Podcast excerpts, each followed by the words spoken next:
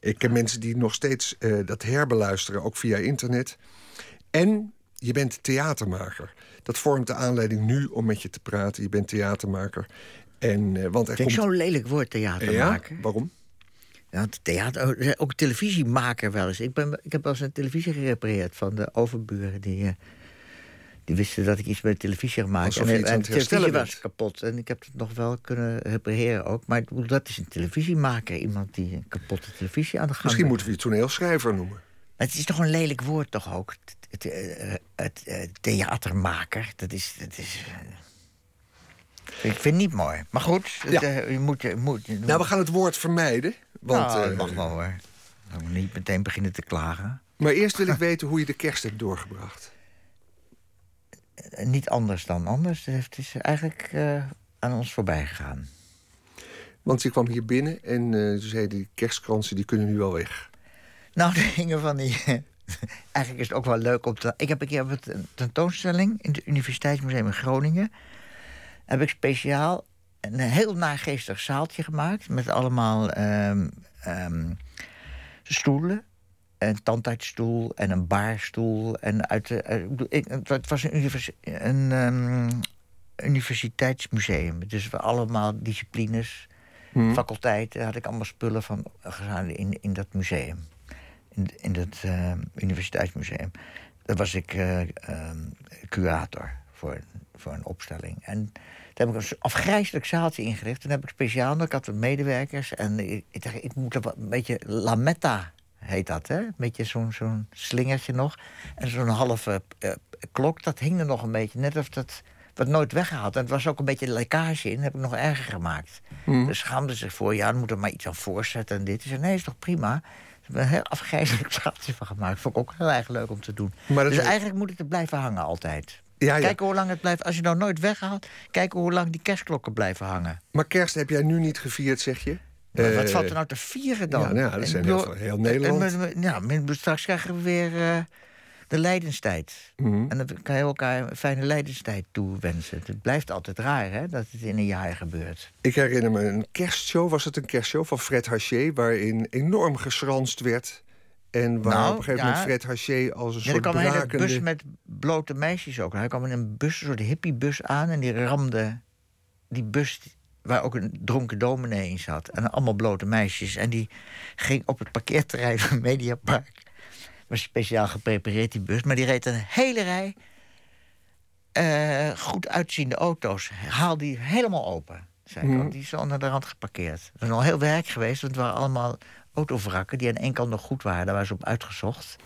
Dus die zagen er keurig uit, waren helemaal opgekikt... dat ze netjes bij stonden. En dan ging die bus met, met een iets verlengde bumper... met een stalen punten aan. En die, eh, die reed al die auto's open. En hij kwam te laat. En die heette, waar heb je het nou voor nodig? Mhm. En toen heeft Jan Blokker er nog uitgehaald. Moesten, en samen met Rudolf Kiers hebben ze dat... Roelof Kiers was toen dood. hoofdredacteur VPRO. Jan Blokker Ja, ook een dat soort, soort allemaal, ja. bons. Nee, maar ze vonden het te ver gaan. Hij kwam te laat. En het orkestje was er gaan spelen. En het heette Waar heb je dat nou voor nodig? Met bloemstukjes. Het zag er Mhm. afgrijzelijk uit. Ehm, en hij begon toen... eh, dit is dus de kerstshow die ik ga presenteren. Eh, en dat gaat over de geboorte van het kinderke Jezus... die later dus aan het kruis zou komen te hangen. Zo zei hij heel. En dat vond Jan Blok het ver gaan. Maar het is toch zo? Zitten te vieren, het kinderke Jezus, die kwam later eens aan het kruis staan. Dit is toch een... Ja, nou, en uiteindelijk zei hij, ja, maar dat gaat ons leden kosten. En toen moest het wegpiepen. En is ook in die uitzending, op, op die, in die dvd's hoor je ook zo'n piepje erop. Die hangen, hoor je nog wel. Dat wordt zo'n beetje rottig weggepiept. En toen hebben we het later, eh, was de KRO... die wou aandacht aan een soort relletje dingen. Die hebben er gewoon dat, dat stukje uitgezonden. En helemaal geen ledenverlies. Dat zei ik ook weer tegen Jan Blokker. Maar ik bedoel, dat, dat, Ja. dat, dat hij daarmee rekening hield. Van Hoe werd dat ooit thuis gevierd bij jou? Toen jij nog in Bussum woonde als eh, jongen, geboren in 19... Ik ben in Groningen geboren. in Groningen geboren, ik kom uit Amsterdam maar je bent opgegroeid in Bussum. Ik heb mijn opvoeding genoten. Mijn opvoeding, zeg ik wel eens, voor zover je daarvan kan spreken. genoten, voor zover je daar dan weer van kan spreken. Dat is eigenlijk een... Dat rolt Ja, en- altijd weer bij me uit. Want ik vind niet dat ik echt opgevoed ben. Nee, want hoe was dat? Want ik heb gelezen dat jouw vader was bekeerling. Ja. En die is op een gegeven moment dus christen geworden. Ja. Hij was misschien... Op zijn vijftiende is hij bekeerd. Toen was hij bij de AVJ. En zijn broer was uh, al als jongeman heel succesvol in de makelaardij. En hij had er iets heel veel mooiers nog. Hij kon daar niet. Dus ik, ik, ik, kan, ik zie het een beetje als competitie. En ook het gevaar van al dat soort dingen. Van, was, de CMVJ is later ook nog ontstaan, maar de AVJ waren ook al behoorlijk christelijk hoor. En dat christendom, daar heb en werd natuurlijk... hij gegrepen door. Uh, en hij wou graag onderwijzer worden. En door de crisistijd weet ik wat, is dat nooit gelukt. Dus als kinderen moesten het onderwijs in. En uh, jij kon, dat, jij dat, kon dat niet volgen, die, die, die, die, die onder, dat in, onder invloed zijn van het christendom van je vader? Nou, ik heb nou, zoals Maarten Hart, die gewoon op een gegeven moment inzag dat hij er niet aan, aan meedoen, maar een soort geloofscrisis. Hè? Er zijn veel boeken over geschreven. Maar ik heb het nooit gehad. Want ik had een opa, dat was de vader van mijn vader, die kwam wel eens bij ons logeren. En als ze dan, uh, die zag ons dan bidden uh, voor het eten. Moest drie keer s morgens bidden. Want dat deed, deden kort, jullie? Ja, moest, maar als kind, als je dat doet, als je opgroeit, als je je ik ontdekt, dan neem je dat allemaal aan. Want ik bedoel, je bent afhankelijk toch van ze. Maar ik vond het altijd al heel raar. En dat kwam ook omdat hij er zelf een beetje aan meewerkte. Ik heb ook nooit in Sinterklaas geloofd. Hm. Want mijn vader, als er enige twijfel was, hij wou ook niet liegen, weet ik nog. En hij wou niet zeggen dat Sinterklaas dus wel bestond. En hij was ook doodsbang, heb ik later ontdekt. Hij was bang voor dat als hij ons in Sinterklaas liet geloven als kinderen... en dat bleek dus niet te bestaan, dat zou hetzelfde met God kunnen gebeuren. Dus dat vond hij een beetje een gevaarlijke optie. Maar, maar mijn grootvader, als we moesten bidden... en hij was blijven eten of logeerde ook wel eens... en dan keek hij me zo... Tijdens, en zag hij, keken wij elkaar aan en zei hij... Trekt hij maar, trok hij een paar rare gezichten en zo. En zei hij, als hij me apart nam, zei hij... ach, laten we nou maar. Mhm. Zo hij, hij schaamde zich voor zijn, eh, tegenover zijn kleinzoon voor zijn zoon. En zijn gevoel voor humor sloeg een generatie over, lijkt het wel. Ja, ik kon wel erg met hem lachen, met die opa. Ja. Leuk, leuke En, man. en, en is het nou heel erg overdreven en eh, psychologie van de koude grond om te Zeker, zeggen... ja. Oh ja, om te Maar zeggen de dat meeste je... psychologie is al van. Dat, dat, is, dat is eigenlijk een, een, een pleonasme, hè? Kan ik me iets bij voorstellen, maar om te zeggen dat jij je altijd tegen die vader van jou bent blijven afzitten. Nee. Met je, nee? Is dat... Nee. Nee. Ik, heb, ook- ik heb ook over Nee, godsdienst veel grappen gemaakt. Maar helemaal niet, ja, omdat je met je vader wil afrekenen. Maar ik, ik, kon, ik kan niet tegen die onverdraagzaamheid, die godsdienst. Dat, dat, dat zie je nu toch ook weer allemaal gebeuren. Dat mensen niet de Koran eh, uit hun hoofd kennen, dat ze dan worden afgemaakt. Ik bedoel, zo erg is het met de christelijke godsdienst ook geweest, hoor. er zijn- Brandstapels en weet ik wat. Er zijn, ook heel veel, er zijn ook heel veel mensen, en je ziet het ook bij schrijvers... die eigenlijk door het lezen in de Bijbel bijvoorbeeld... en het horen van bijbelse verhalen enorme rijkdom hebben gehad... en daar enorm Ja, veel ik profijt zie dat, ik van zie dat hebben. niet zitten. Ik, ik ken ook de Bijbel uit mijn hoofd, ongeveer al die verhalen. Maar ik vind dat, dat, dat, eh, dat de psalm, hoorde ik weer, die psalm. Ik begin er zo langzamerhand weer een beetje te vergeten. Het hoog, hooglied, heet Mhm. het toch, die psalmen? Dat wordt allemaal zo mooi gevonden. Prachtig. Ja. Praten mensen elkaar na. Heb je het wel eens gelezen?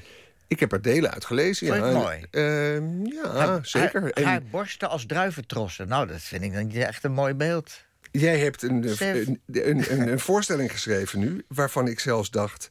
ja, het hooglied, misschien zit er wel een eh, verwijzing naar hooglied in. Gewoon Want, nee. want de titel is van laagwater... nee, laagwater... nee, hoogwater, voorheen laagwater. Ja. Maar wat is daar bijbels aan? Ik weet het niet. Een, een- puur, een, ook niet, nee. puur een taalkundige associatie. En het is een voorstelling die eh, misschien wel contemplatiever is, om het woord te gebruiken, dan veel van je eerdere werk. Oh, Dacht ik. Ik heb een doorloop mogen meemaken Oh ja, ja. vorige week maandag. Toen eh, de Veenfabriek, het gezelschap waarbij dit, eh, deze voorstelling gaat komen, eh, te zien was. En dat schoot door mijn hoofd. En ik dacht, we gaan nu iets laten horen, want dat kan al uit die voorstelling. Een lied. Je kijkt nu heel bedenkelijk. Waarom kijk je zo bedenkelijk? kijk ik bedenkelijk. Oh ja, nou, ik dacht Eh. even dat je. Ja. Je denkt van, wat heeft hij de goede eigenlijk over die voorstelling be- bedacht? Eh, Zag ik je nu denken. Nee, ik denk als je een stukje uit laat horen, dat is niet tekenend Dat Voor het is geheel. kenmerkend voor die, de- omdat het zo afwisselend is dat je Mhm. daar. eh, dat, dat, Dat het niet representatief is. nee, niks is representatief. Elk, elk stukje wat je daaruit laat horen is niet re- representatief. Zo, Nee, dat maar- heb ik toch maar mooi voor elkaar Ja, maar we hebben iets klaarstaan wat echt heel erg mooi is. Laten we luisteren naar, die, naar, die voor, naar een deel dus uit die, die voorstelling... die behalve gesproken woord ook veel muziek is. Dit is een treurlied. En dit is een treurlied. Het zit va- vaak in het begin, in het begin zit er een treurlied. Laat ik dan zeggen, ook nog even, dat die voorstelling heel erg Wim T. Schipperiaans is. Met grappen, met associaties. Met, Nou, eh, grappen niet zozeer. Maar je, er valt wel veel te lachen. En er is ontroering. Maar dit zijn niet echt grappen waarom te lachen valt. Ik, het- ik vind het leuke ook dat je denkt: wat is nou eigenlijk, wat valt er nou te lachen? En toch moet je lachen. Dat vind ik leuker dan een grap. Laten we luisteren naar eh, een deel daaruit, dat lied, gezongen door actrice Meral Polat, van oorsprong Turks, geweldige stem. Ehm, en dat lied, dat heet, ik kan het amper uitspreken, Strioku. Zeg ik het goed? Ja, dat is nog niet volledig, maar dat, dat staat er boven. Ja, omdat het volgende woord is verzwindersk. Want het is jouw tekst. Ja, En wat het betekent weten we niet. ik Maar- ook niet. Maar het klinkt zo.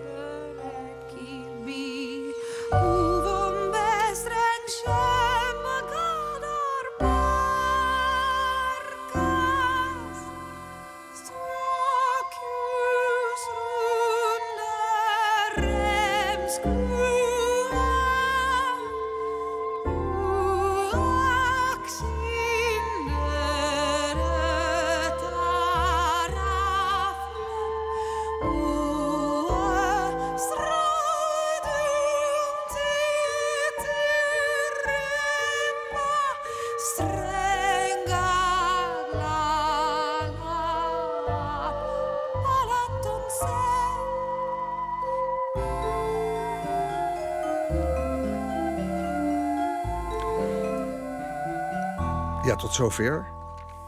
Prachtig lied. Meral Polat is de actrice die het zingt. Ja. En het is een treurlied, zeg je. Ja, het is een, eh, ik, ik speel een, een concertpianist. Die zal gaan spelen, maar een eh, lelijke smak maakt. En doodvalt. En dan komt zij op en probeert mij weer tot leven te wekken en zo. En dan speel ik heel mooi opera-achtig een, een doodgaan daarin. En dat zingt zij. En daar begint het mee. Het is En- heel raadslachtig waarom het daarmee begint. En wie heeft deze muziek gemaakt? Heb ik eh, geschreven en eh Tom van der Meer heeft hem gearrangeerd. En maar die ruimte was er ook. Ik heb de ehm, melodielijn en de tweede stem en de baslijn geschreven. En doelbewust nog een middenstuk overgelaten. Wat per uitvoering anders gemaakt wordt. Die je kan dus, dat, dat middengedeelte kan luisteren naar de melodie, de zang, zangstem, of zich bij de bas aansluiten. Maar het is allemaal atonaal. Dus er is geen, geen harmoniemodel, zeg maar, zit erin. Hè? En, en Dus al- alle noten zijn dus heel democratisch. Al die noten hebben een eigen betekenis. Die zijn niet ondergeschikt. Je hebt niet Mhm. een grondtoon die de baas speelt... en waar, waar akkoorden op worden gemaakt. Maar het is atonaal. Dat vond ik Ja. wel eens leuk om te doen. het is heel grappig, want het is dus niet zoals Karel van het Reven zou zeggen... meeneuriebare muziek. Maar het is wel... Nou ja, op een gegeven moment als je Het het, vaak klinkt hoort... wonderschoon op de een of andere manier. Ja, het klinkt lekker. eh, eh, nou, je, je voelt niet het, dat, dat. Heel veel.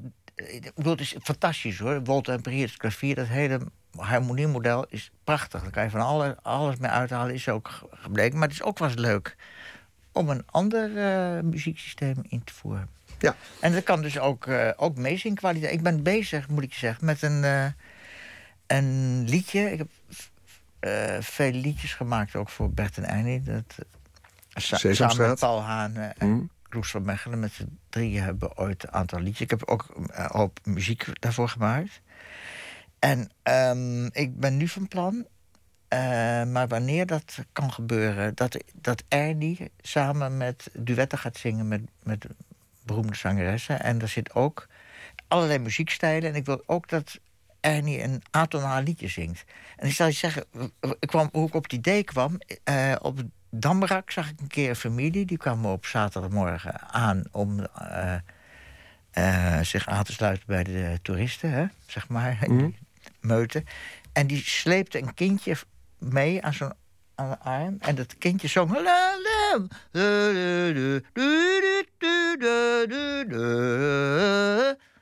Het was prachtig. Die was nog niet bedorven met het harmoniemodel, zeg maar. Kan je eigenlijk zeggen. Ik, ik zeg het een beetje romantisch. Het, is geen waardeoordeel, maar ik dacht ineens... Het staat helemaal niet zo ver weg, dat gemopper.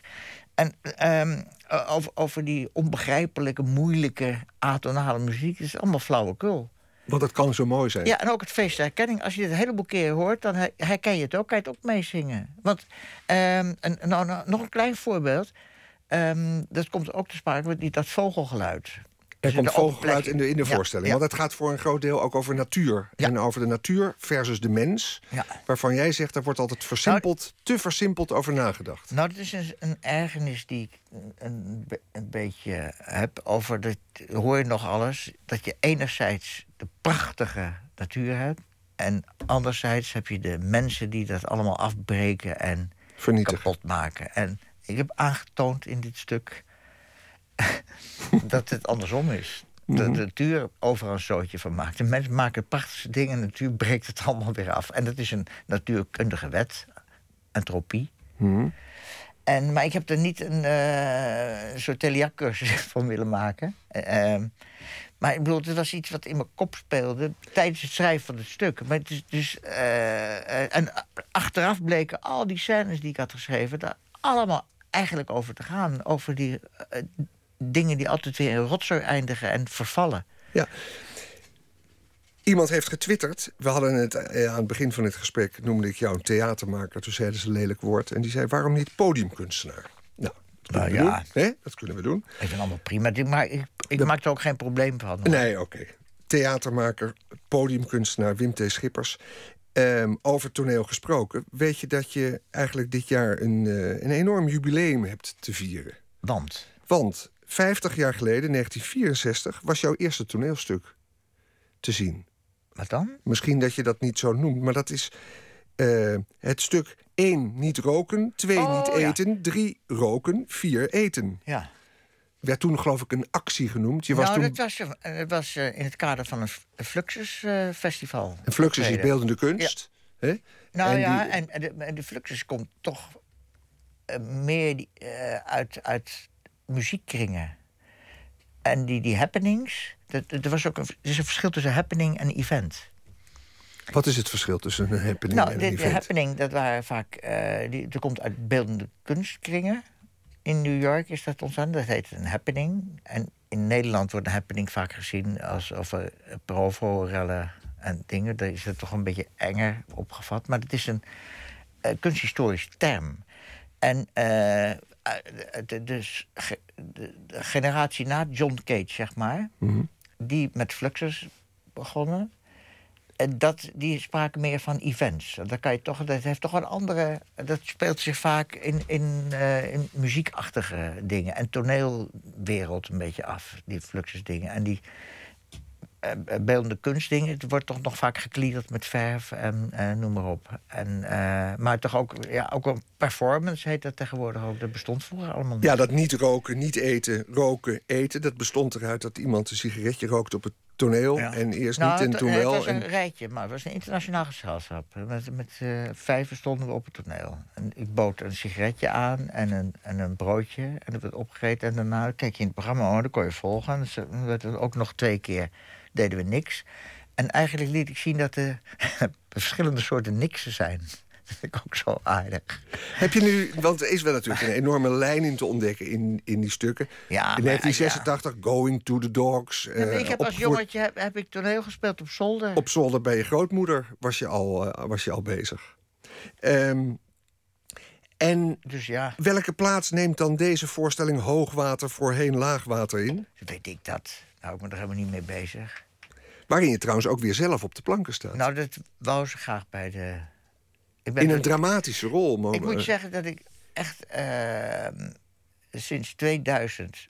Ik had een tijdje geen toneel. Ik heb vroeger voor toneelgroep Centrum allemaal dingen geschreven. één actes en eh, een grotere stuk ook. Kutzwagers. En voor Hummelik Stuurman kwam het er eens weer op gang. Maar ik ben toen uitdrukkelijk gevraagd door Titus Muizelaar voor Tegelop Amsterdam.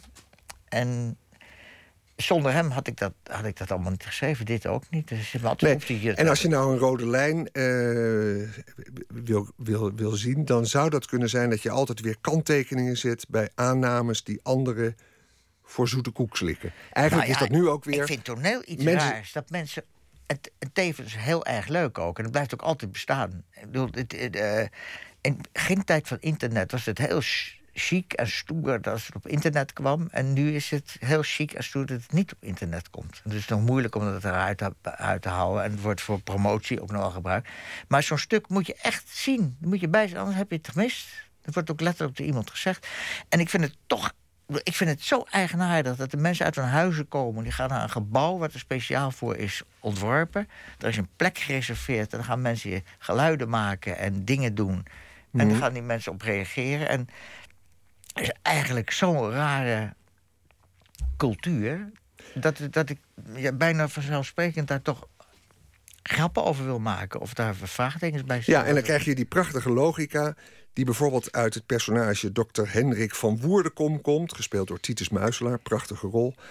Eh, een soort filosoof die dan eh, plotseling het volgende kan mijmeren. Onderweg hier naartoe ook nog geruime wisselstoring.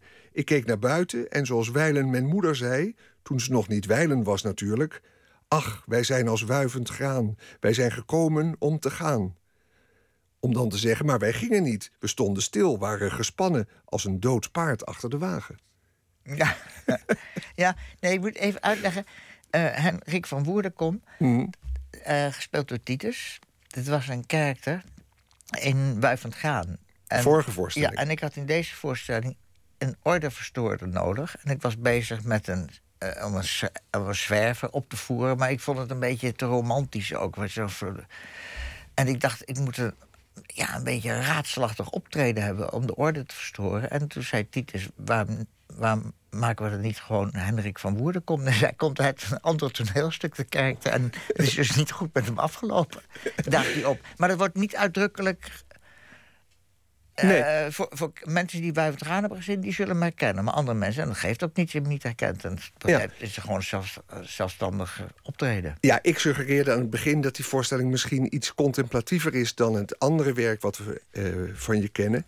En jij bestrijdt dat misschien? Nee, of, hoor. Nee? Dus is misschien ook wel nee, zo. maar dat, dat, heet echt eh, dat het voor eh, allerlei uitleg vatbaar is. Het, kijk, het is niet zo dat ik, dat ik een bepaald denkbeeld heb... wat ik helemaal ga aankleden en leerstellig aan de gang wil zijn. Of dat ik alleen maar over het ontroer... eh, als je alleen maar ontroert met een stuk, vind ik te weinig. Eh, en als je alleen maar een verhaal vertelt, wat dan mooi gespeeld wordt... met herkenbare figuren, vind ik ook te weinig. Ik wil raadslachtige dingen opvoeren. Ja. Die iets losmaken bij mensen. En dat doet het. Hoogwater, voorheen laagwater. Paul Koek hebben we die naam genoemd. Ja, ik Die- vind het ook heel leuk omdat ik, dat ik met Paul Koek mag Paul. Koek, de theatermaker, Ja, die, ik vond het eh, heel leuk dat hij graag ook met mij wou werken. Vond ik Collega Botte Jellema, die over theater gaat bij ons, die zei... Wim T. Schippers is al goud. Paul Koek maakt er ook nog eens goud van. En dan Titus Muiselaar en die geweldige acteurs. Nou, ik ga daar bijna Eh, van blozen. Ja, Eh, allen daarheen. Hoogwater, voorheen, laagwater. Dankjewel Wim T. dat je er was. Nog een huishoudelijke mededeling. Is daar nog tijd voor? Of ga ik dat... Nee, dat ga ik straks na het nieuws doen. In het tweede uur Nooit meer slapen. Tot na het nieuws van Enen.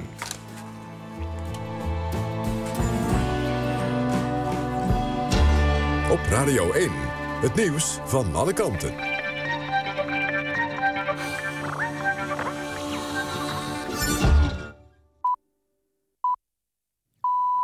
1 uur, Christian Bonenbakker met het NOS Journaal. De meeste geldautomaten van de Rabobank worden voorlopig niet bijgevuld. Dat komt door een actie bij geldtransporteur Brinks.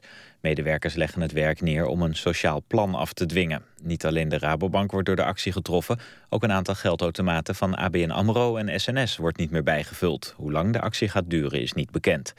Bij Brinks verdwijnen 600 van de 1000 banen... omdat het bedrijf de contracten met de Rabobank en SNS is kwijtgeraakt. De Rabobank betreurt het dat klanten de dupe worden van het conflict bij Brinks. De bank kan nog niet zeggen hoe snel de geldautomaten leeg raken. De Colombiaanse guerrillabeweging FARC heeft een ontvoerde militair vrijgelaten. Hij was vorige week gevangen genomen tijdens een aanval van de FARC op een militaire patrouille. Daarbij werden vijf militairen gedood. Dat gebeurde een paar uur voordat een eenzijdig staakt het vuren van de FARC van kracht werd. De Colombiaanse regering noemt de vrijlating van de militair een stap in de goede richting. President Santos hoopt dat de vrijlating betekent dat de rebellen hun strijd inderdaad definitief willen beëindigen, zei hij op Twitter. Oekraïne heeft besloten geen treinen en bussen meer te laten rijden naar de Krim. Dat geldt voor zowel goederen als personenvervoer. Volgens de Oekraïnse spoorwegen wordt het transport te gevaarlijk. De situatie zou zijn verslechterd door een invasie van gewapende groepen en militaire agressie van Rusland.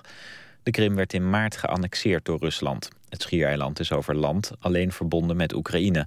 Dat besloot eerder al om alle zee- en luchtverbindingen met het schiereiland te schrappen. Nu kunnen alleen nog auto's van en naar de Krim rijden.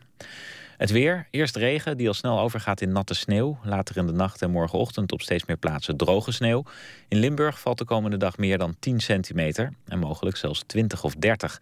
In het noorden blijft het zo goed als droog. De maxima liggen rond het vriespunt, maar door de harde wind voelt het kouder aan. Dit was het NOS Journaal. NPO Radio 1. VPRO. Nooit meer slapen.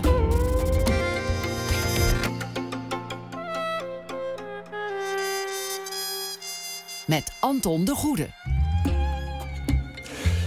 Welkom terug bij Nooit meer slapen. En voordat ik een overzichtje geef van wat dit uur ons gaat brengen, dan nu even die huishoudelijke dienstmededeling die ik voor het nieuws wilde doen.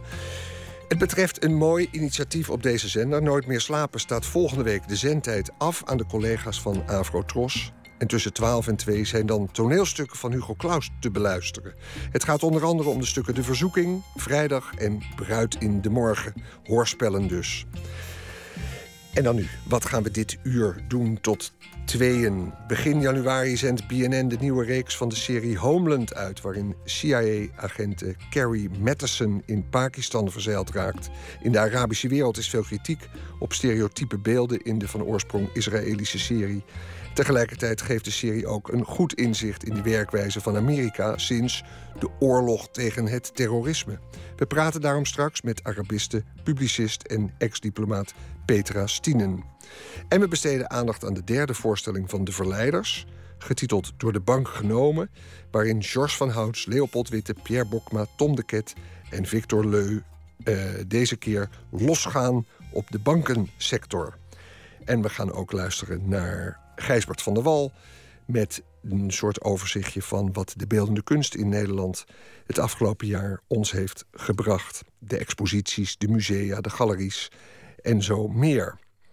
Maar we beginnen dit uur voor de allerlaatste keer met een kerstverhaal. We vroegen tien schrijvers uit Nederland en Vlaanderen om een verhaal te maken dat zich afspeelt tussen kerst of in de donkere dagen ervoor of erna. En voordat we naar het tiende en laatste verhaal gaan luisteren, introduceer ik nog even kort de schrijver. Philip Huff. Hij debuteerde in 2009 met de roman Dagen van Gras. Daarna volgde Niemand in de Stad en de verhalenbundel Goed om hier te zijn. En recent verscheen Boek van de Doden, een roman over een man die de crisis die zijn leven is onder ogen moet komen. Luistert er nu naar het kerstverhaal van Philip Huff.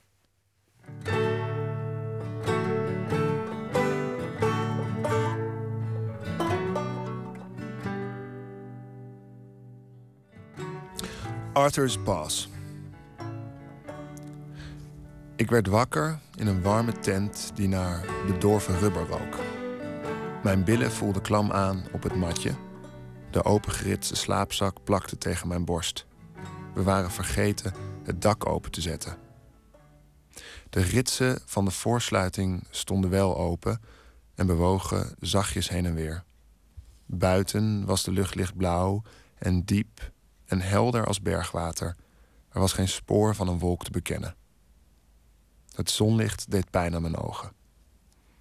Ik sloot mijn oogleden, die trilden, en mijn mond smaakte naar oude munten. En ineens wist ik het weer. Was het de drank geweest? Zweet sprong uit de poriën onder mijn oog, de huid van mijn rug tintelde. Toen kwam Mark naar binnen, eerst zijn hoofd, toen zijn lichaam. Hij droeg een strakke boxershort achterstevoren. Hij ging op zijn knieën zitten, strekte zich uit en draaide zich om. Kut, zei hij, toen hij lag en naar zijn voeten keek. En hij legde zijn vingers op zijn voorhoofd, de palm van zijn hand op zijn gesloten ogen. De voorsluiting van de tent stonden nog steeds open. Ja, zei ik. Die laatste biertjes van Benjamin waren er wat te veel, geloof ik, zei Mark. De laatste tien of zo, zei ik en ik lachte. Mark zei een tijdje niets. Ja. Ik krabde aan mijn borst en voelde met mijn hand over mijn blote buik en bovenbenen. Alles plakte. Maar echt, zei Mark. Weer bleef het lang stil. Probeerde ik. Vind je het niet vreemd, zei Mark toen, zo'n kerst zonder sneeuw? Ik wist even niet wat ik moest zeggen. Ik bedoel, met kerst hoort sneeuw, bij sneeuw hoort kerst. Ik zei dat het met de sneeuw in Nederland meestal ook wel meeviel, zeker met kerst. Mark draaide op zijn zij, mijn kant op, maar hij keek me niet aan. Ik rook zijn oksels of mijn eigen. Mark had zijn ogen gesloten. Je begrijpt wel wat ik bedoel, zei hij. Ik keek naar het opblaaskussen onder zijn hoofd. Nee, zei ik, en ik voelde met mijn voet naar mijn onderbroek. Ik vond hem naast het matje. Mijn maag tintelde. Als er geen sneeuw is, is het geen kerst, zei Mark, nog steeds met gesloten ogen. Ik rook zijn adem. Niet echt. Al vier je het. Nee, wat zeg ik? Je kunt het niet vieren. Alles is anders aan deze kant van de wereld. Heb je ook niet het gevoel dat je heel ver weg bent van alles? Ik keek weer naar buiten. De hemel was nog steeds heel lichtblauw en leek nu zelfs een beetje te trillen. Dit voelt niet als kerst. Mark zei het heel zacht. Zijn stem dwaalde al af, de slaap in. De tentopening flapperde een beetje. Ik ging rechtop op het matje zitten en wachtte tot Mark sliep. Ik zag het aan zijn ademhaling. Benjamin en Jesse kwamen naar onze tent toegelopen. Ze hadden twee volle bruine papieren zakken bij zich. Vruchten, melk, muesli. Ze hadden een auto en hadden kerstontbijt gehaald. Jesse keek onze kant op. Ik stak mijn hand omhoog. We komen eraan, zei ik in het Engels. We zijn er zo.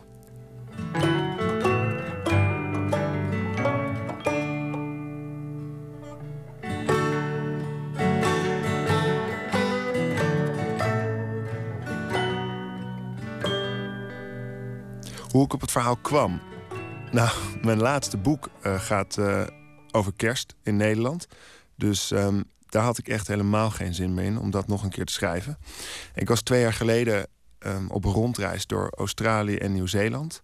En het was ook de eerste keer dat ik uh, kerst vierde in, in de zomer. In een land waar de zon dan schijnt. En het is, het is bijna iets surrealistisch als je dan over parkeerplaatsen bij winkelcentra loopt. En je ziet kerstmannen op reclamezuilen klimmen. En je krijgt allerlei aanbiedingen voor typische kerstspijzen. Um, dus daar wilde ik iets mee doen. Dat um, voor ons de context zo anders is dat het eigenlijk pas kerst is als het donker is en koud. Maar dat de, hel de van de wereld daar is het pas kerst als je met een boxershort of een zwembroek aan op het strand kan zitten met een rode muts met een wit bolletje erop op je hoofd.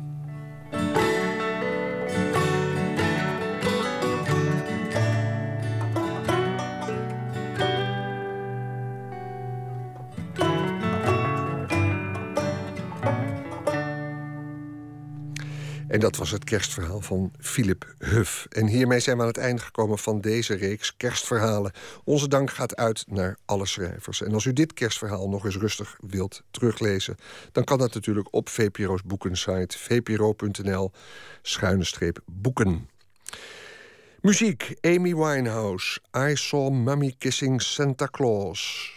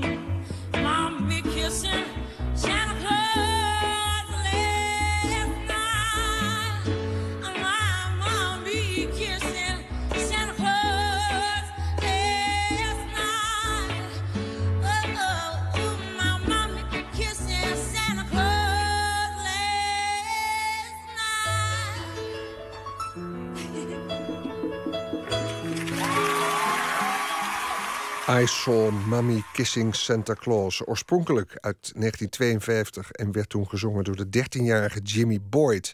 Amy Winehouse sprak vaak over het maken van een kerstplaat. Maar het is bij deze ene tv-performance overigens van deze klassieker gebleven. Nooit meer slapen. Zelden eindigde een serie zo grof en huiveringwekkend als het derde seizoen van Homeland. Vanaf januari zendt BNN het nieuwe seizoen van de Amerikaanse spionageserie uit. Petra Stine is Arabist, publicist en werkte jarenlang als diplomaat in het Midden-Oosten. Ze noemt zichzelf zowel fan als criticaster van Homeland. Ze bekeek het nieuwe seizoen en Emmy Colau zocht haar op.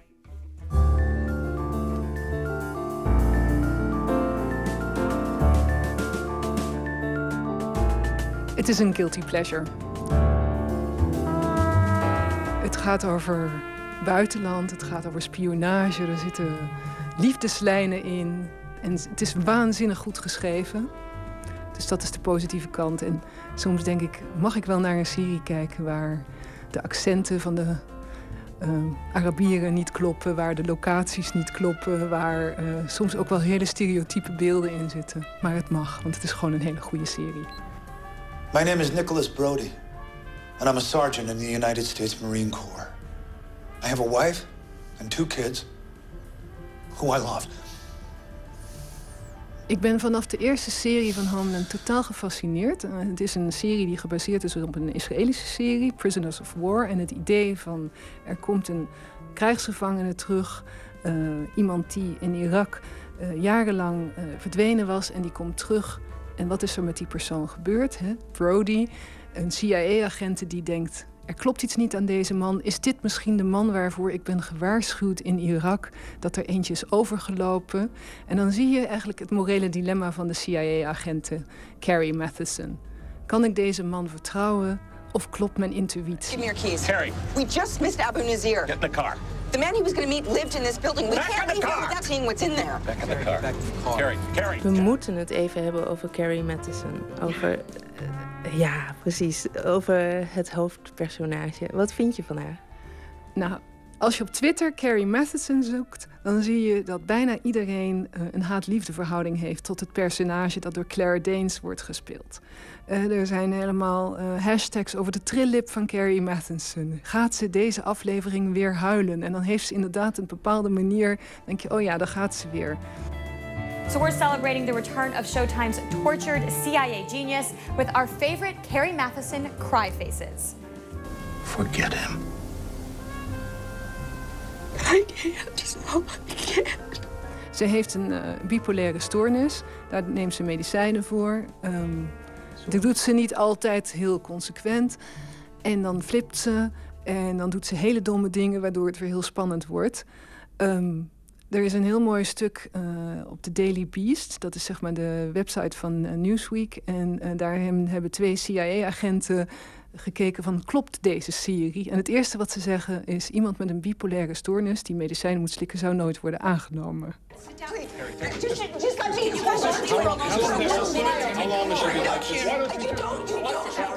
Aan het einde van serie 3 is ze zwanger.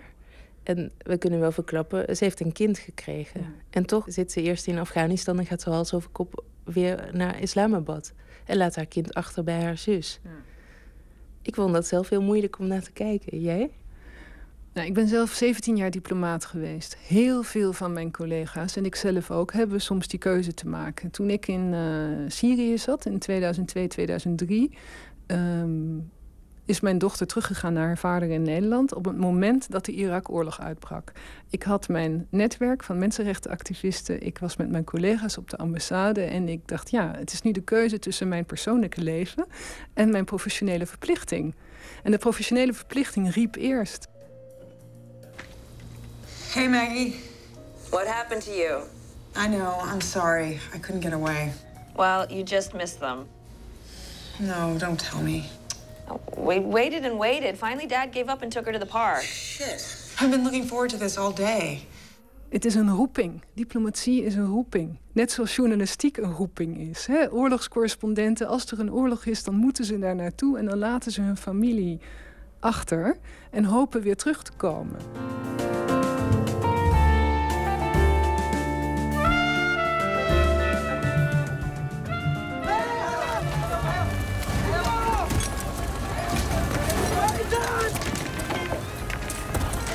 Homeland is niet een, een, een, een, glorieuze lofzang op de fantastische uh, successen van de Amerikaanse geheime dienst. Integendeel, ik vind dat er heel veel zelfreflectie en zelfkritiek in zit. In die eerste aflevering van Series 4 zie je ook dat er mensen in een operation room op een gegeven moment op basis van bepaald soort informatie zeggen: ja, daar is die terroristenleider Al-Haqqani en die gaan we uh, nu aanvallen en de rest is collateral damage. Hè, zoals de Amerikanen zo mooi zeggen, bijkomende schade. En dan blijkt het in één keer een huwelijksfeest. En dat is in de werkelijkheid ettelijke keren gebeurd. En wij als kijker worden dan ook heel mooi meegenomen in de andere kant van het verhaal. Wat betekent het voor de mensen die op dat feest waren, die het overleefd hebben? Um, waar komt dan de haat vandaan. En wat ik heel bijzonder vind, en uh, ik kan hier niet al te veel over zeggen, is dat er ook wel een verhaallijn aankomt van een van de mensen die op dat feest waren, die een hele andere beslissing neemt en helemaal niet de Amerikanen haat. Dus ik vind dat. Ja, daar zit veel nuance in en veel aandacht voor de morele dilemma's van beide kanten. It's pure PR bullshit, the wedding claim. Technically, it wasn't even a drone strike. Technically? It was a bombing run. Two F-15Es. You're right. I don't think I'll share that with the foreign minister. De Amerikaanse ambassadeur in Islamabad, die hebben ze zo goed gecast. Dit is echt het rolmodel van het beste wat de Amerikaanse diplomatieke dienst te bieden heeft. Ze is uh, goed ingevoerd, ze kan heel goed omgaan met de morele dilemma's, de manier waarop ze leiding geeft op zijn ambassade. Somebody high up in the Pakistani government signed off on this, right? Oh, come on, Martha. What? It's their airspace, their sovereignty. They scream bloody murder, but it's theater. Het dilemma dat zij als vrouw heeft ten opzichte van haar partner. Uh, ze is voor haar carrière gegaan. Ze voelt zich enorm betrokken bij uh, de mensen op de ambassade. En dat heeft in haar persoonlijke leven wel een prijs. Ja. Het is ook wel eens verfrissend om alles om te zien. Nou, het is. Um, het grappige is, het is voor Nederlanders verfrissend. Maar voor Amerikanen is het verrassend. Uh, het gaat langzaam maar zeker beter in, uh, in Nederland. We hebben nu in de Arabische wereld. Uh, nou, even kijken hoor. In Beirut, in Oman, in Qatar, in Irak.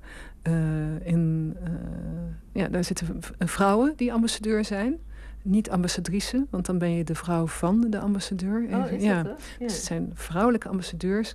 En ik denk dat dat heel slim is van de Nederlandse regering.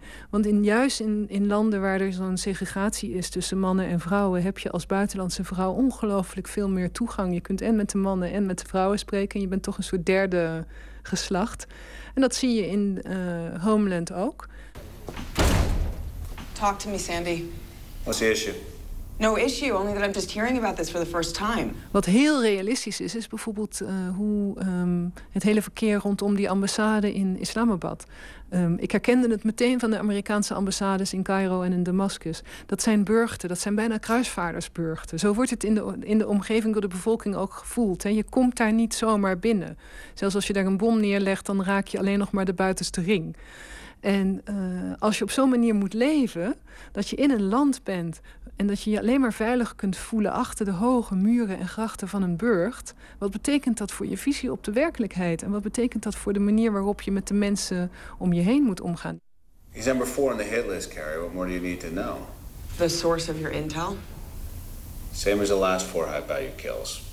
Does he have a name yet, this source? En vergis je niet. Vergis je niet, die afstand tussen de bevolking en diplomaten uh, en spionnen, maar ook mensen die daar uh, voor bijvoorbeeld het ministerie van Defensie zitten. Heel vaak vindt de regering van het land dat heel fijn.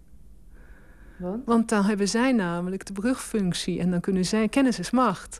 Dus als jij geen toegang hebt tot wat er echt speelt onder de bevolking, dan weet je ook niet of er misschien wel er verzet is tegen de regering. Ik heb dat zelf ook gemerkt in Syrië. De Syrische regering vond het heel vervelend dat ik Arabisch sprak.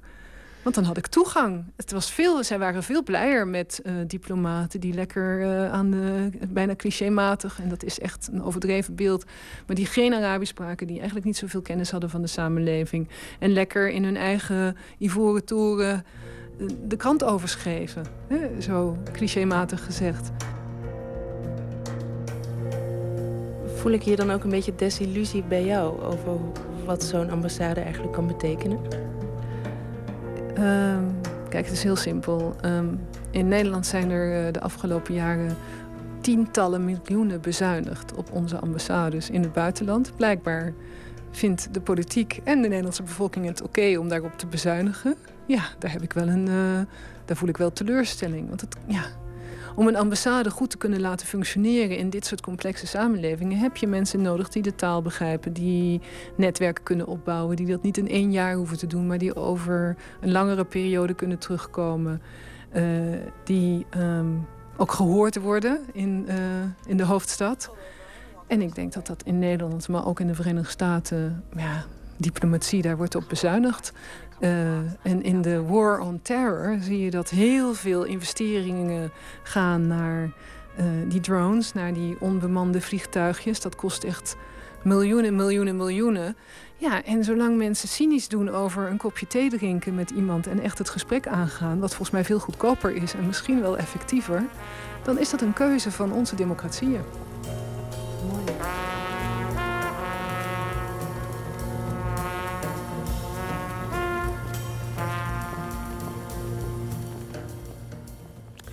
En dat was Emmy Colau in gesprek met Arabist en oud-diplomaat Petra Stienen.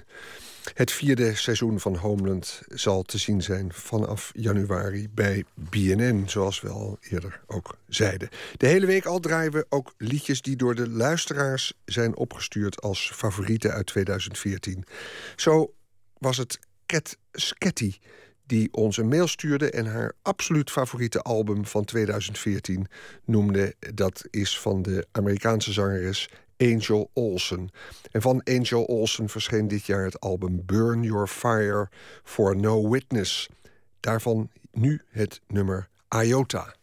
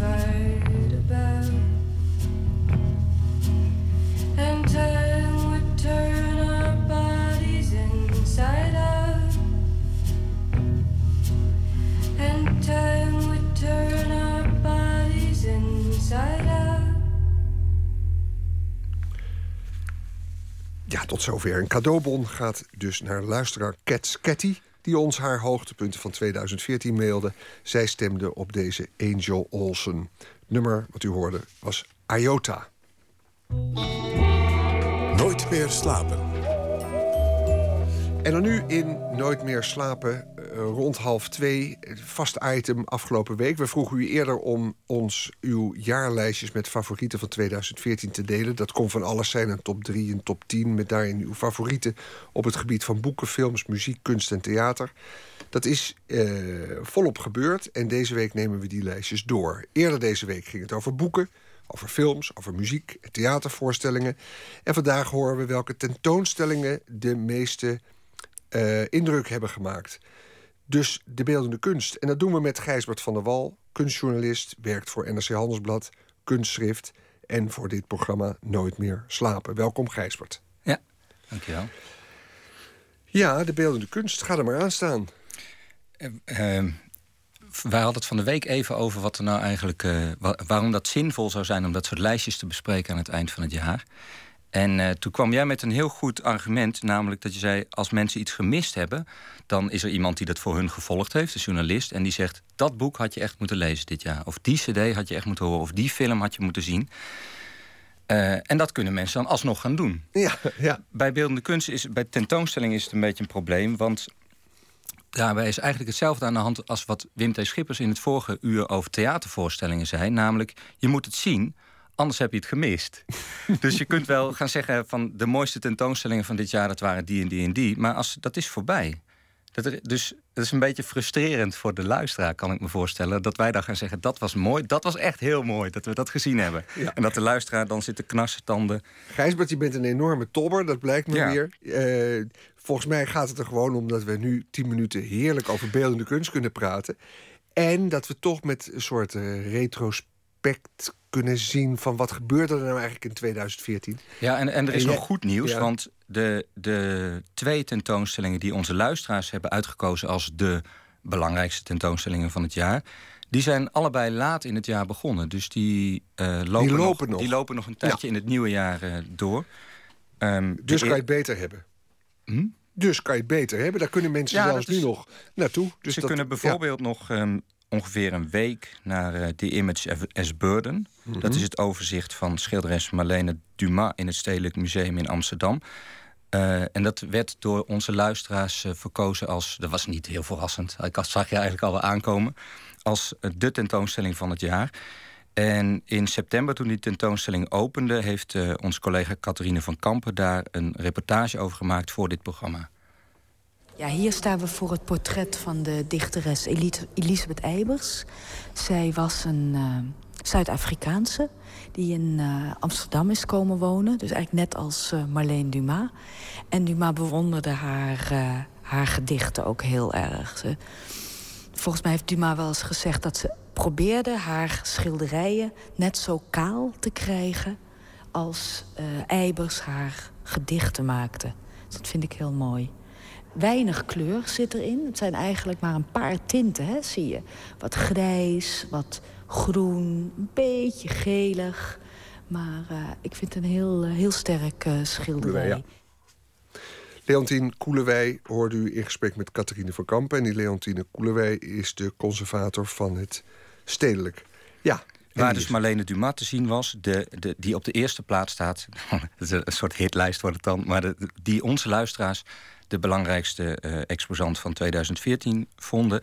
En op de tweede plaats is eh, uitgekomen, wat onze luisteraars betreft, de tentoonstelling van schilderijen van de Amerikaanse abstract, abstract ex- expressionist Mark Rothko. Eh, dat zijn vooral schilderijen uit de National Gallery in Washington. En die zijn allemaal ingevlogen naar het Haags in Gemeentemuseum. het heerlijke Haagse gemeentemuseum. Prachtige plek. Sowieso de- het, misschien wel het mooiste museumgebouw van Ik vind het wel. Nederland. En ook die tentoonstelling, daar hadden we het dus net over, is nog twee maanden te zien. Voor wie die gemist heeft. Marten Minkema bekeek die tentoonstelling van Nooit meer slapen met de directeur van het Haags Gemeentemuseum, Benno Tempel. Eigenlijk is het, eh, gaat het niet om de kleur. Hè. Wij, wij geven nu elke kleur een naam. Eh, maar dat hoeft helemaal niet.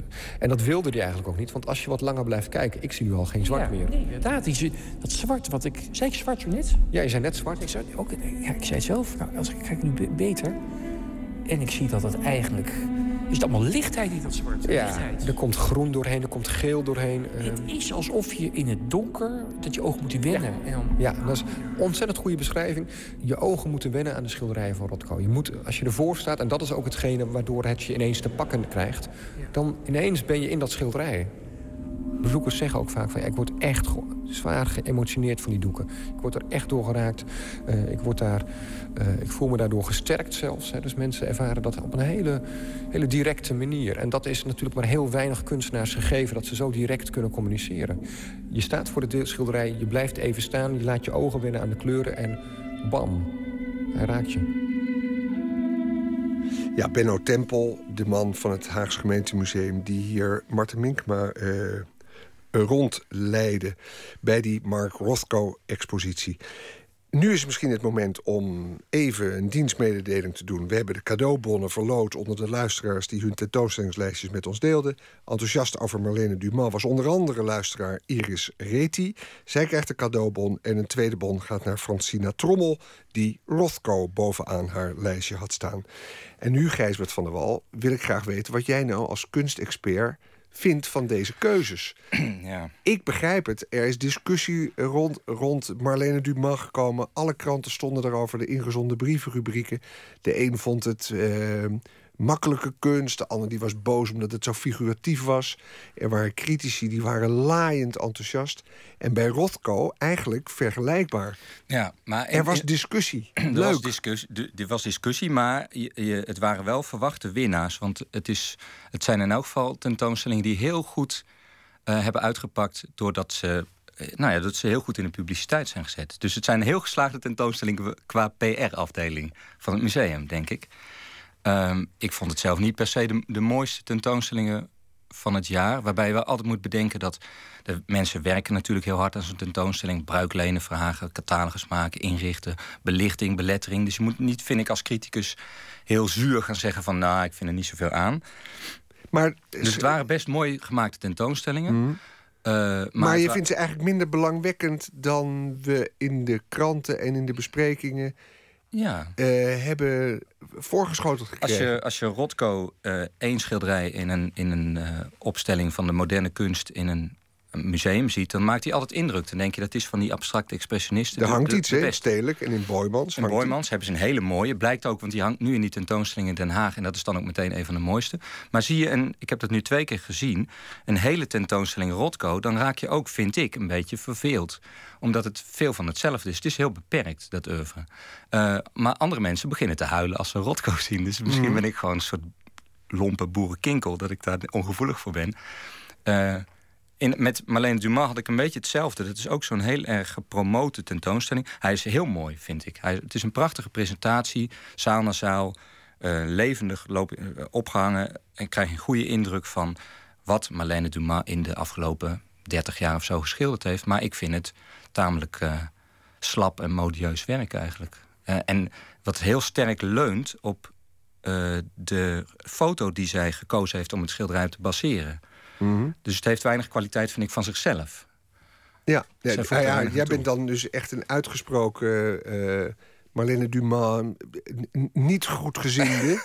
Eh, terwijl Nee, maar- mensen als Hans de Hartog-Jager, Ja. Rutger Ponsen in de Volkskrant... Joost hebben het echt, Zwageman, Joost Zwageman in de Wereld. Door... hebben het bejubeld. Maar Maar, is dat dan niet... vind ik ook dat het ook dus dat ik ook wel ik wil liever niet zuur doen, maar als iedereen het bejubelt, vind ik oké, dan mag er ook wel één tegenstem Ja, zeker, zeker, zeker. En, en ik vind het alleen maar mooi. En ik, ik was zeer nieuwsgierig om die Rothko te zien na al die stukken. Ja. En ook naar de verhalen en naar de, de biografie Dat is van ook de nog man. zo. En, Het, eh, doordat, doordat het zo eh, groot gebracht wordt in de pers en in de, in de eh, publiciteit en in de, in de reclame van, de, van die musea, ben je misschien ook, tenminste ik, eerder teleurgesteld.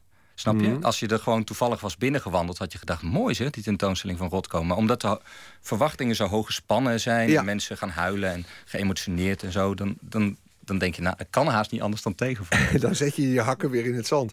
Maar vertel nou, staat er ook iets op die lijstjes eh, tot slot? Want we hebben niet lang Hmm. meer eh, wat je eruit kan pikken... Ja, wat, wat, wat je heel leuk vindt en waar jij het mee eens bent. Ja, eh, eh, onder andere werd genoemd de Modern Times, de grote fotografie-tentoonstelling in het Rijksmuseum in Amsterdam. En dat was een tentoonstelling waar ik zelf ook wel vrolijk van werd. In de eerste plaats omdat eh, nu, anderhalf jaar na de opening van het ge- hoofdgebouw van het Rijksmuseum. eh, en de vaste opstelling nu eindelijk die zijvleugel klaar is... waar ze de tijdelijke tentoonstellingen gaan doen. Dus waar in februari bijvoorbeeld de late Rembrandt komt... wat volgens Mhm. mij de, de blockbuster wordt van het komende seizoen. Over PR gesproken. Ja, ook weer. de- ja, inderdaad. Maar goed. Dat, dat, dus, dus de vraag is inderdaad: moeten wij als journalisten daar nou helemaal in meegaan? Of moeten Mhm. we intussen andere pareltjes gaan zoeken die anders.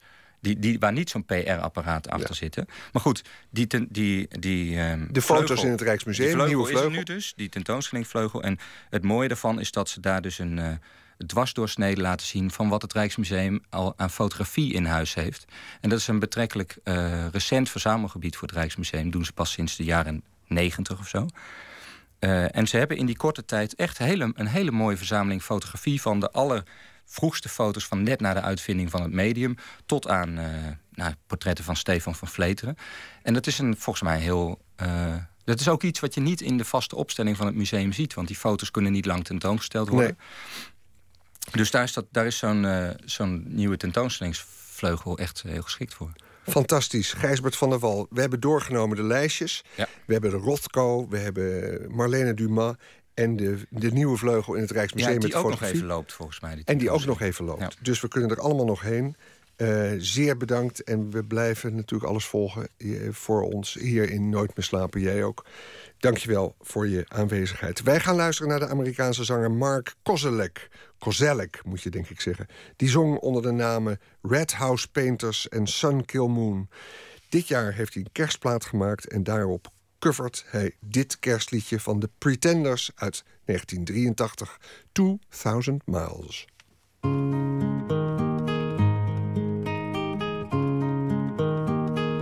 He's gone. 2,000 miles is very far. The snow is falling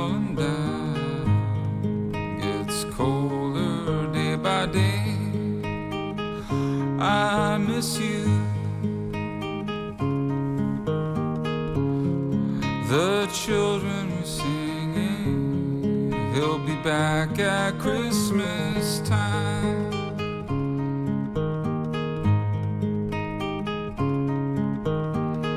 On these frozen and silent nights, sometimes in a dream, you appear outside under the purple sky, diamonds in the snow sparkle. Our hearts were singing, and it felt like Christmas time.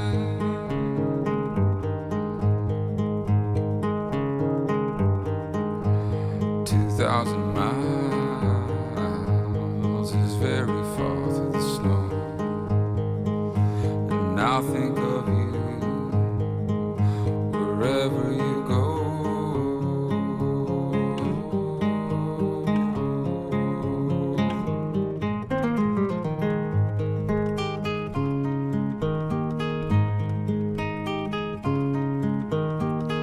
He's gone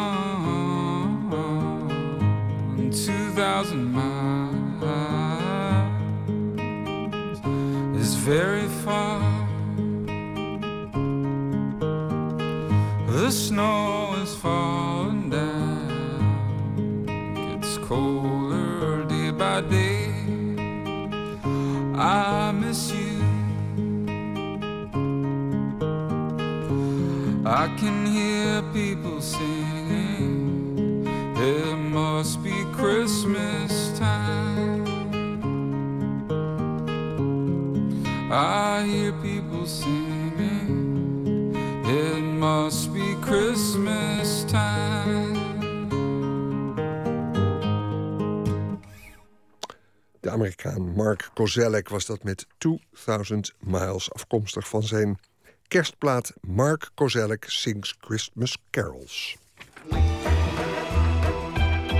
Nooit meer slapen.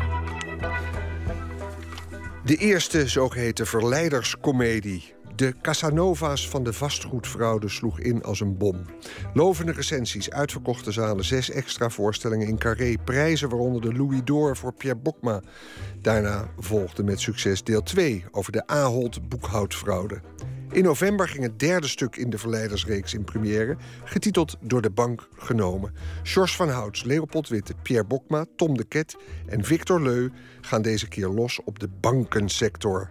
Verslaggever Nicole Terborg sprak de kast in Theater Fiji in Zeist. Tom de Ket, Jos van Ouds, Victor Leus, Leopold Witte. Ik ben Pierre Bokma en wat gaan we doen? We nemen u mee naar de wonderenwereld van het geld, de banken. We zijn allemaal haantjes en grote ego's. Maar het is geweldig om met zo'n ploeg mannen in een bus, een, een luxe bus... met videoschermen en ijskastjes en goede flessen wijn... door het land te trekken en iets heel belangwekkends te brengen met z'n allen. Eén keer in de zoveel tijd kom je dat tegen. Dat je in een groep terechtkomt en denk ik van ja, dit, dit is thuiskomen. Dit is waarom we het doen. Die vijf mannen zijn allemaal gevormd. En ja, je zal wel overeenkomsten kunnen vinden. Maar op een bepaalde manier lijkt, lijken ze niet op elkaar. Ze zijn, allemaal, ze zijn allemaal heel erg wie ze zijn. We houden elkaar ook allemaal ongelooflijk scherp. En eh, we zijn echt een, een bandje. Pierre Bokma, van eh, de vier andere acteurs hoor ik eh, dat het een soort bandgevoel is om in de verleiders te staan. Hè? Eh, de tweede keer met deze cast. Deel je dat gevoel? Helemaal. Helemaal. Ik vind het ook een geweldige omschrijving. Omdat het, eh, ja, bijna zou ik zeggen, de verschillende stemmen die we hebben... de verschillende figuren die we zijn... dat heeft toch wel iets muzisch, vind ik. En eh, ook iets eh, ritmisch. Het eerste beeld op het toneel is dat van de staalmeesters. Het schilderij van Rembrandt. De heren uit de 17e eeuw veranderen langzaam in vijf mannen van nu. Financiële bazen gekleed in donkerblauwe maatpakken. De voorstelling is een mix van toneel, stand-up comedy, muziek, fictie en werkelijkheid. Uh, Oké, wacht even. Nu even persoonlijk. Uh, ja. het wordt een beetje precair. Uh, wie van jullie en wie van ons, wij doen mee, hebben er op dit moment schulden? Ik bedoel hypotheekschuld.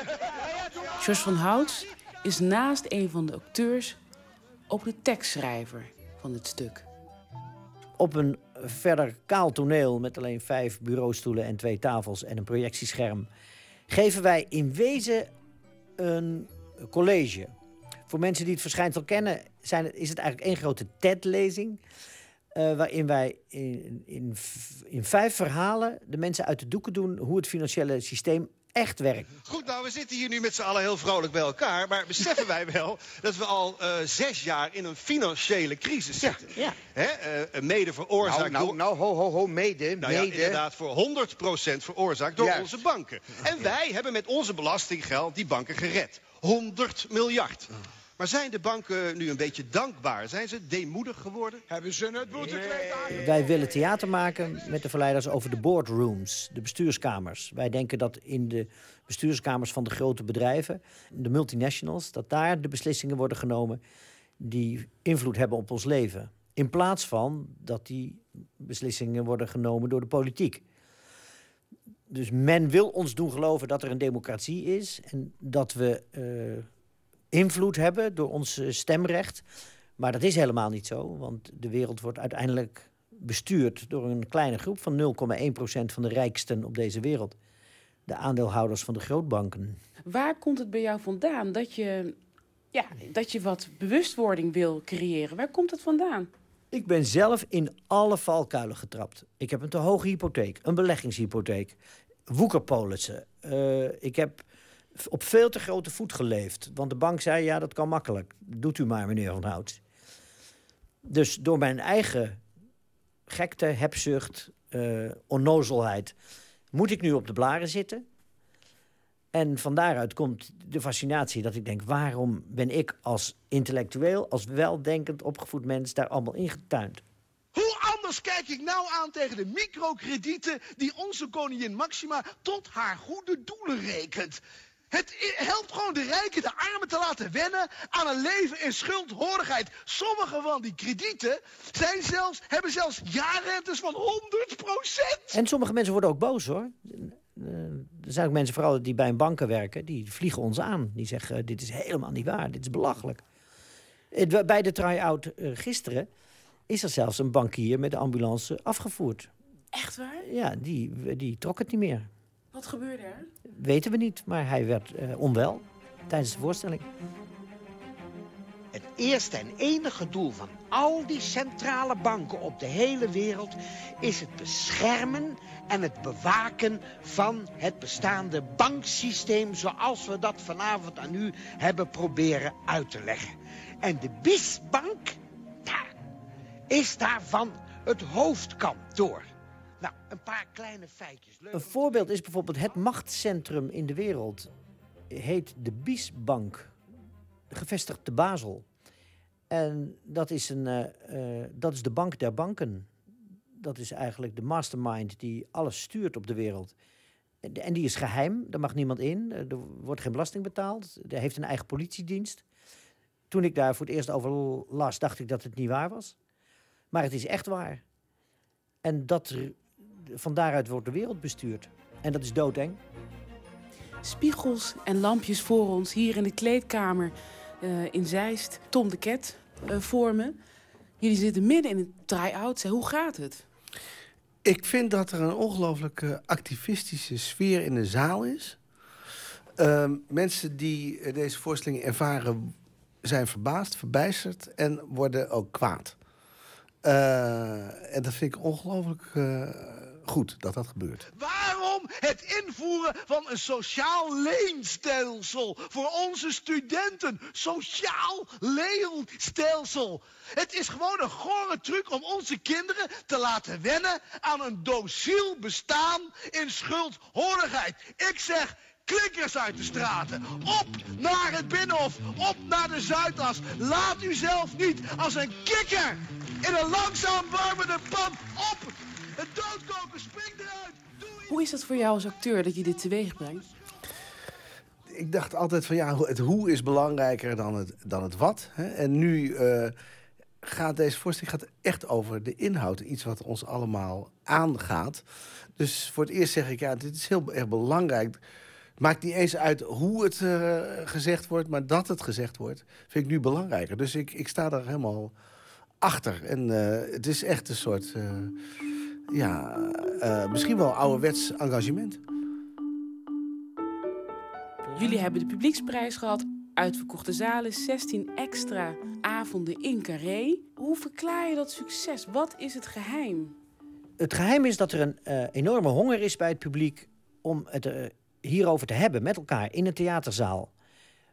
Omdat iedereen verbijsterd is, hoe zijn we als welvarende natie, als goed welwillende denkende mensen in deze crisis terechtgekomen? Hoe kan het nou met alle welvaart die we hebben... dat de staatsschuld maar blijft oplopen... dat er nergens opeens geld voor is... dat er verzorgingshuizen dicht moeten... dat de gehandicapten niet meer vervoerd kunnen worden. Hoe kan dat in zo'n welvarend land? Mensen zijn echt verbijsterd na deze voorstelling. En dat komt omdat er blijkbaar wereldwijd een systeem is wat bevochten moet worden. En ik hoop met deze voorstelling een revolutie te ontketenen. Wat voor revolutie? Van onderop. We hebben ooit de Shell op de knieën gedwongen... toen die de Brent Spar wou afzinken in de Noordsfjord. En toen weigerden opeens uh, mensen om Shell te tanken. En daar zijn de grote bedrijven wel degelijk gevoelig voor. Dus ik denk, en ik hoop zelfs dat we, als er genoeg animo is... dat we een maand, bijvoorbeeld april 2015 een hypotheekstaking moeten gaan organiseren. Vanaf dat moment betaalt niemand zijn hypotheek meer. Er heeft zich wereldwijd een systeem ontwikkeld waarin de machthebbers, lees de 0,1% van de wereldbevolking, de rijkste, de multinationals, de banken, waarin die zoveel invloed, macht en kapitaal veroveren door die overige 99,9% van de wereldbevolking, waaronder waarschijnlijk ook u en ik, te manoeuvreren en te houden in een staat van schuldhorigheid. De acteurs fileren de bankensector en delen persoonlijke verhalen. Volgens Leopold Witte reageert het publiek met een heel arsenaal aan emoties. Mensen liggen, lachen zich helemaal gek en zijn ook geschokt. Uh, open doekjes, O en A. Het is, uh, wij noemen het ook wel eens poppenkasttheater. Want mensen die, die, uh, ja, die vinden het... Ja, dit is een feest van herkenning. En verbijstering ook. Mensen komen er echt uit van, nou, dat wist ik niet. Maar ze hebben ook de tranen over hun wangen lopen. Toen jij en Tom de Ket stopten in 2009, wilden jullie maatschappijkritische stukken maken. Hè? Stukken over het bedrijfsleven. Jullie begonnen daarmee en in het begin uh, stonden de theaters niet op te wachten. Hè? Nee, Wat hoorde je, George van Houts? Wij hoorden heel veel sceptisch. Want daar zit het theaterpubliek. Dat, in die tijd was dat nog 70% vrouwen, wat in de zaal zit. De, de vrouwen, vooral de wat oudere, hoogopgeleide dames... dat is het, uh, het cultuurpubliek in Nederland. Ook literatuur en de, en de musea worden door die bevolkingsgroepen bevolkt. En dus de theaterdirectie zeiden... ja, maar daar komt, geen, daar komt niemand op af. Mannen in pak die schimmige business deals zitten te bespreken op hotelkamers sorry, maar daar, wij geloven er helemaal niet in. Nou ja, de rest is geschiedenis. Het, eh, het, liep storm met de vastgoedfraude 16 bomvol uitverkochte extra carré-avonden. Dat is voor een gewoon toneelstuk uh, exceptioneel. dus dat heeft zich gelogenstraft. En nu vechten de theaterdirecteuren om ons naar binnen te krijgen. Wat is geld? Is dat geldsysteem zo gegroeid of is het ontworpen? En Pierre Bokma, is dit het laatste stuk van de verleiders waar je in staat? Of, zie jij een rooskleurige toekomst voor dit gezelschap? Nou, ik weet niet. Uh, we moeten natuurlijk, denk ik, niet uh, Purper achterna gaan. De, de, de zanggroep en een cabaretgroep Purper. Ik denk niet dat we dat halen ook. Ook weer een ander métier. Maar ik denk dat hier nog wel één of twee uh, verleiders in kunnen zitten. Of dat ook werkelijk gaat gebeuren, weet ik niet.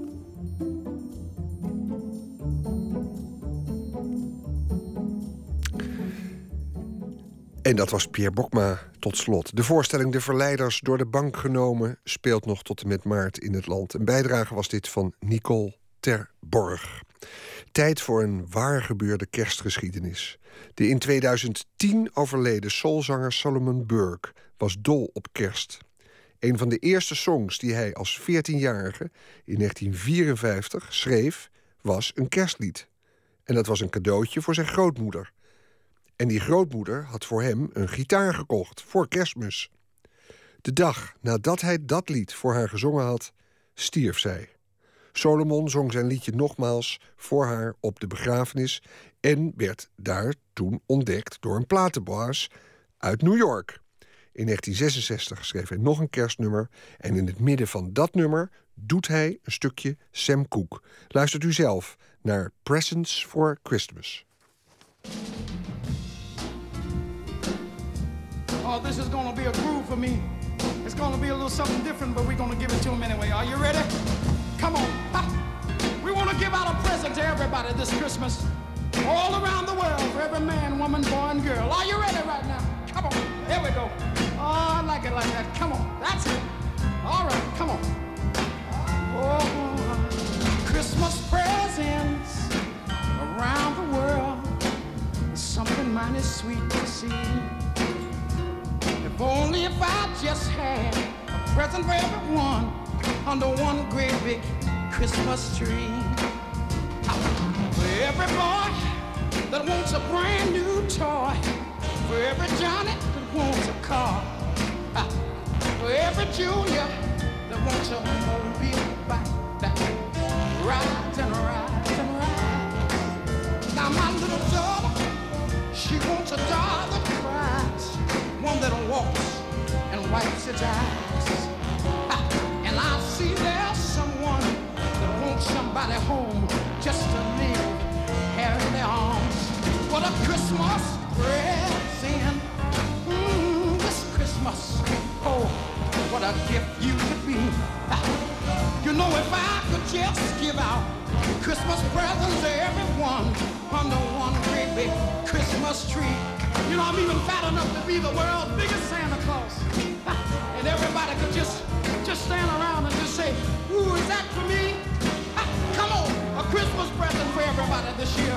And we want to give it to them. Are you ready? Come on, everybody. Come on, one more time together. Merry Christmas, baby. A present for you, Christmas, directly from me.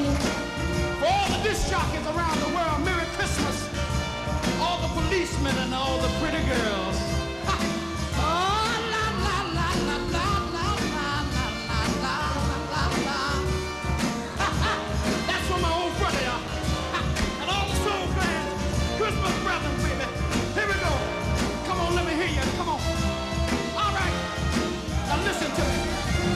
Somewhere in this big wide world, there's some girl. Great big Christmas. Maybe one, two, or three toys. But sadly enough, believe me as it seems, they won't get these things we know. But the best that we can do is wish a Merry Christmas to you and hope next year things will have a lot of joy.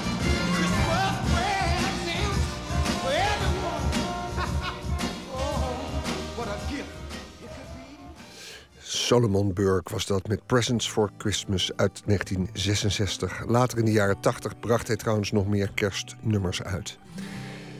Ja, kerst. Eh, nu maar even weer gewoon naar eh, dagelijkse dagen. Hier eindigt nooit meer slapen. We gaan luisteren naar het nieuws van twee uur. Ehm, en normaal zeg ik dan op de vrijdag, maandag zijn we er met dit en dat. Maar komende maandag zijn we dan niet. Want eh, volgende week staat de VPRO de zendtijd af aan de collega's van de Avro Tros. Tussen 12 en 2 zijn dan toneelstukken van Hugo Claus te beluisteren. Het gaat dan onder andere om de stukken De Verzoeking, Vrijdag en Bruid in de Morgen. Bijzonder, s'nachts Hugo Claus luisteren, de man van de taal, de Vlaamse kunstenaar. Straks kunt u hier luisteren naar Woord en wij zijn er dan een week later weer op de maandag. In Woord trouwens geen archiefmateriaal, maar materiaal uit 2014. Wij zeggen dag tot volgende week maandag. Wie weet tot dan of anders later.